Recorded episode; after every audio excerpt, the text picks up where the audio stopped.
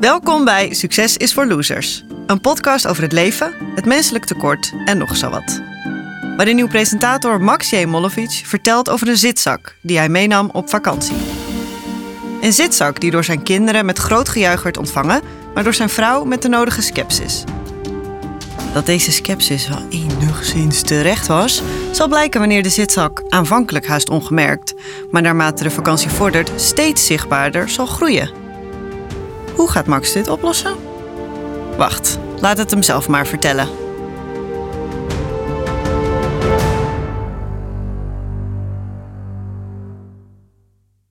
Een paar dagen voordat wij richting Frankrijk vertrokken, kocht ik bij een niet nader te noemen webwinkel een zitzak die je met lucht moet vullen, wil je erop zitten. Het oorspronkelijke model is door een Nederlander ontworpen.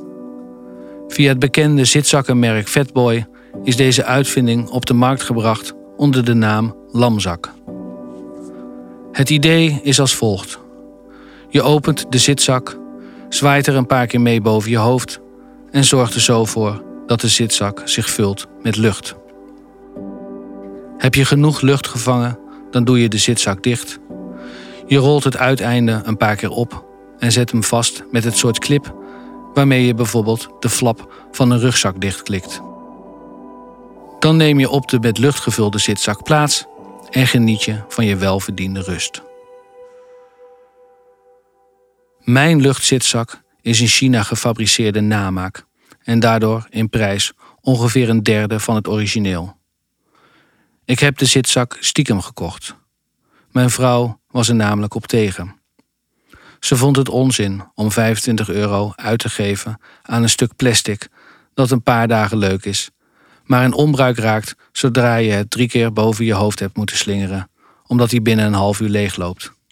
Daar kwam bij dat ze sowieso van mening was dat ik veel te veel spullen meenam. Als het aan haar ligt, nemen we alleen het puur noodzakelijke mee. Terwijl ik onze auto het liefst zo vol mogelijk stouw. Mijn vrouw werd geamuseerd boos toen ik, op de camping aangekomen, de zitzak achterloos tevoorschijn haalde en hem routineus begon te vullen met lucht. Mijn kinderen barsten in juichen uit. Ze hadden de zitzak op een festival leren kennen en waren direct fan. Niet in de laatste plaats omdat je elkaar kon katapulteren. Wanneer één kind op het randje van een half gevulde zitzak plaatsnam en een ander kind er met een grote sprong op neerplofte. Dan tartte zo'n kind een halve seconde de zwaartekracht. Mijn vrouw leek al snel gelijk te krijgen. Uiteraard gaf ik dat niet toe. Bij mijn zoon was de zitzak een groot succes. Maar hem lukte het niet om genoeg lucht te vangen, dus stond ik om de havenklap met dat grote zwarte geval boven mijn hoofd te zwaaien. Mijn vrouw lachte in haar vuistje. We bevonden ons in de Languedoc, op een camping naast een beekje dat La Seize heet. Op het heetst van de dag is het hier vaak 35 graden. Op de vierde dag nam ik de zitzak mee naar het beekje. Dat was me verboden door mijn vrouw. Ze schaamde zich. Vond het ordinair om met zo'n dom ding aan de oever van het beekje te gaan zitten. De zitzak in het water laten drijven was me zelfs uitdrukkelijk verboden. Ik deed het toch, tot grote vreugde van mijn zoon, die direct plaatsnam op het drijvende geval. Het werkte als een tierenlier. Ik ken deze man niet, riep mijn vrouw tegen niemand in het bijzonder. Ik nam me voor om wat vaker tegen de wil van mijn vrouw in te gaan. Ik had mezelf te lang verwaarloosd. Een beetje rebellie was gezond. In de verte klonk gedonder. De volgende dag leek de zitzak een heel klein beetje groter. Toen mijn zoon terugkwam van het plassen, vroeg ik of hij hem had gevuld. Hij ontkende. Misschien kwam het door het ochtendlicht. Toen mijn zoon erin ging zitten, verdween hij in zijn geheel. Er staken alleen nog wat voeten en armen uit. Spartelend vocht hij zich naar buiten. Aan zijn gezicht zag ik dat hij geschrokken was, maar hij herpakte zich snel. Je laat niet merken dat je zojuist bijna bent verslagen door een zitzak. Hij deed het nog een keer. En weer verdween hij. Dit is leuk, zei hij toen hij er weer uit was. En deed het nog een paar keer. Daarna gingen we zwemmen. Ik besloot de zitzak bij de tent te laten. Een paar dagen later, het was een uur of acht, de schemering begon in te zetten, zag ik ineens dat de zitzak heel rustig groter en dan weer kleiner werd. Hij vulde zich met lucht en liet het daarna los. Als een gigantische long groeide de zitzak en kromp de zitzak ineen. Hij ademt, dacht ik. Zodra ik mijn hand erop legde, was het echter afgelopen. Alsof het zijn adem inhield zodra ik hem aanraakte. Ik vroeg aan mijn vrouw of het haar ook was opgevallen dat de zitzak groter was geworden. Het zou me niets verbazen, zei ze, zonder van haar boek over kritische discoursanalyse op te kijken. En wenste er verder geen woorden aan vuil te maken. Die nacht onweerde het. Toen ik de volgende dag buiten kwam, bleek de zitzak de grootte van een Fiat 500 te hebben. Mijn zoon begon te dansen. Hij dook erin en verdween in zijn geheel.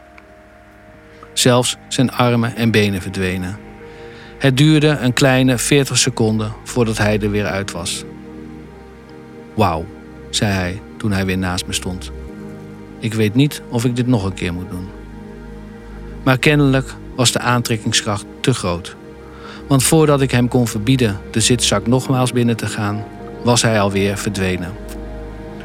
Ik riep mijn zoon terug te komen, maar kreeg geen antwoord. Ik stak snel mijn hoofd naar binnen. Het was pikdonker. Ik riep mijn zoon. Als uit het niets verscheen hij ineens voor me.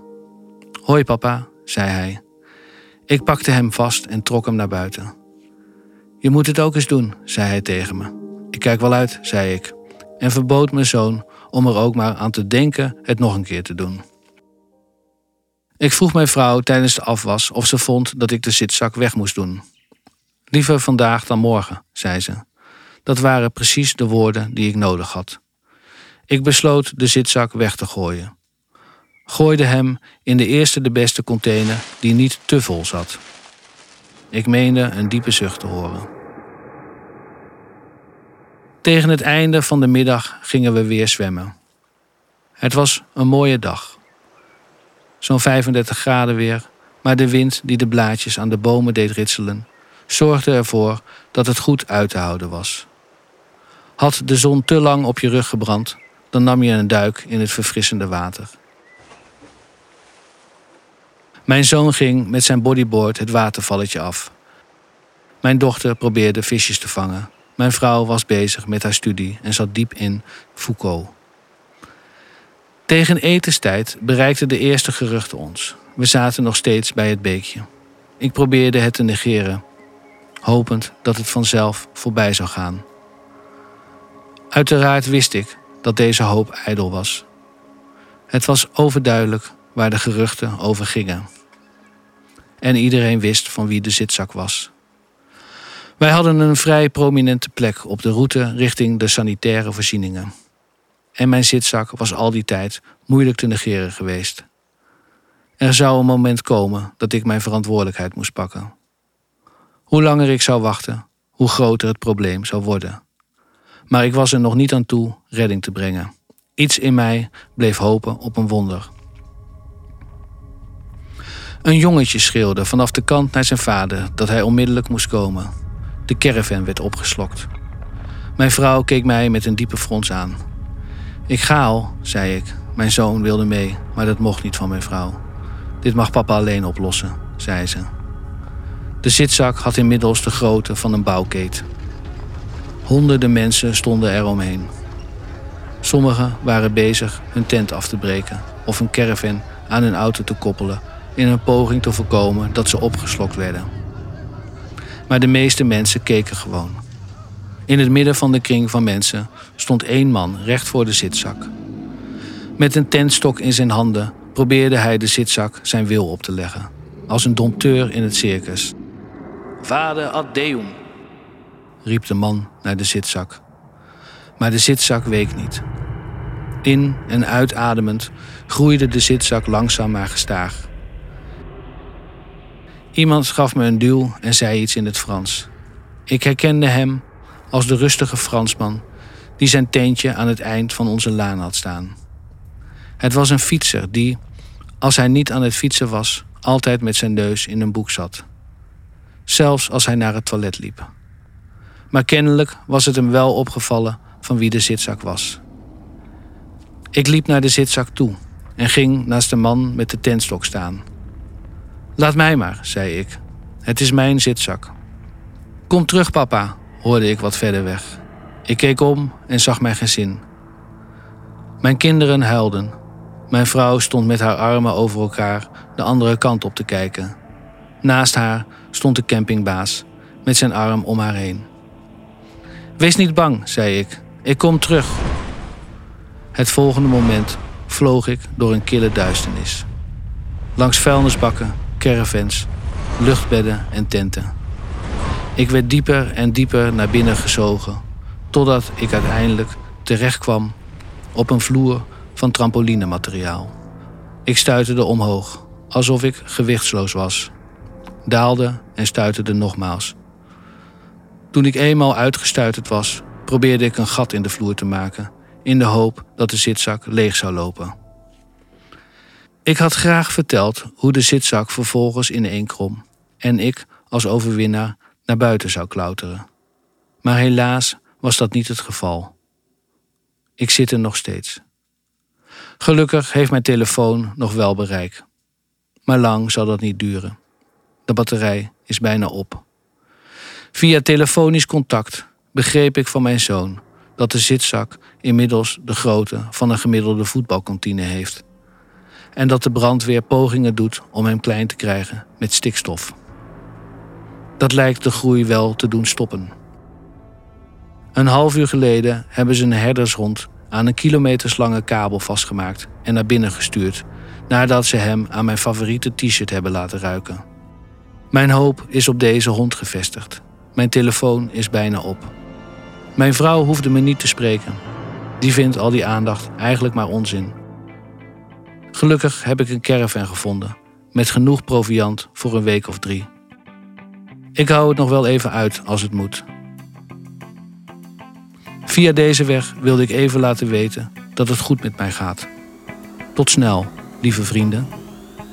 Oeh, eerst was ik nog bang, ik was doodsbenauwd. Het was donker en bloedheet, toch had ik het heel erg koud. Maar toen vond ik proviant in een caravan. Ik dronk een wodka jus en voelde mij weer zen. En toen na verloop van tijd was ik elk gevoel voor proportie kwijt. Was het dag of was het nacht? Scheen de zon of scheen de maan? Elke hoop op mijn bevrijding had ik al laten gaan, maar toen ineens een zacht geluid, een stem die zei me lief. Ik haal je hier wel uit en niet heel erg lang daarna. Ik at net een bakje vla, stond daar mijn vrouw met een lang touw. Oh, mijn lief, haal me hier uit. Wat ben ik blij jou hier te zien. Je bent mijn Noord, je bent mijn Zuid, je bent mijn West, je bent mijn Oost. Lieve moeder van mijn kroost, haal me eruit. Haal me hieruit. Yeah, yeah.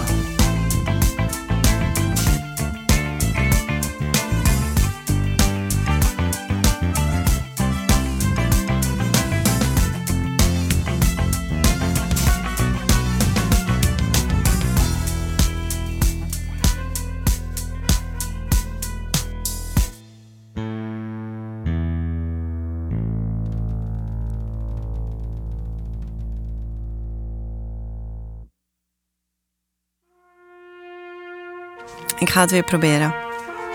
Succes is voor Losers is een samenwerking tussen de Podcast Factory en Meijer Monovic, makelaars in goede ideeën. Onze dank gaat uit naar de grote Freddy Perren, Dino Vecaris, Gloria Gaynor en Cake voor de inspiratie voor het eindlied. Aan deze podcast werkten mee Reinder van Zalk, Tijmen Geurts, Maurits Colijn, Mark-Joost Meijer, Max J. En Brit Kaandorp. Het artwork is van Meijer en Molovic, alle muziek van Airforce. Heb jij een verhaal over succes of het gebrek daaraan? Stuur een mailtje naar succesisforlosers.gmail.com en wie weet nemen we contact met je op. En wie weet ook niet. Bedankt voor het luisteren en tot de volgende aflevering.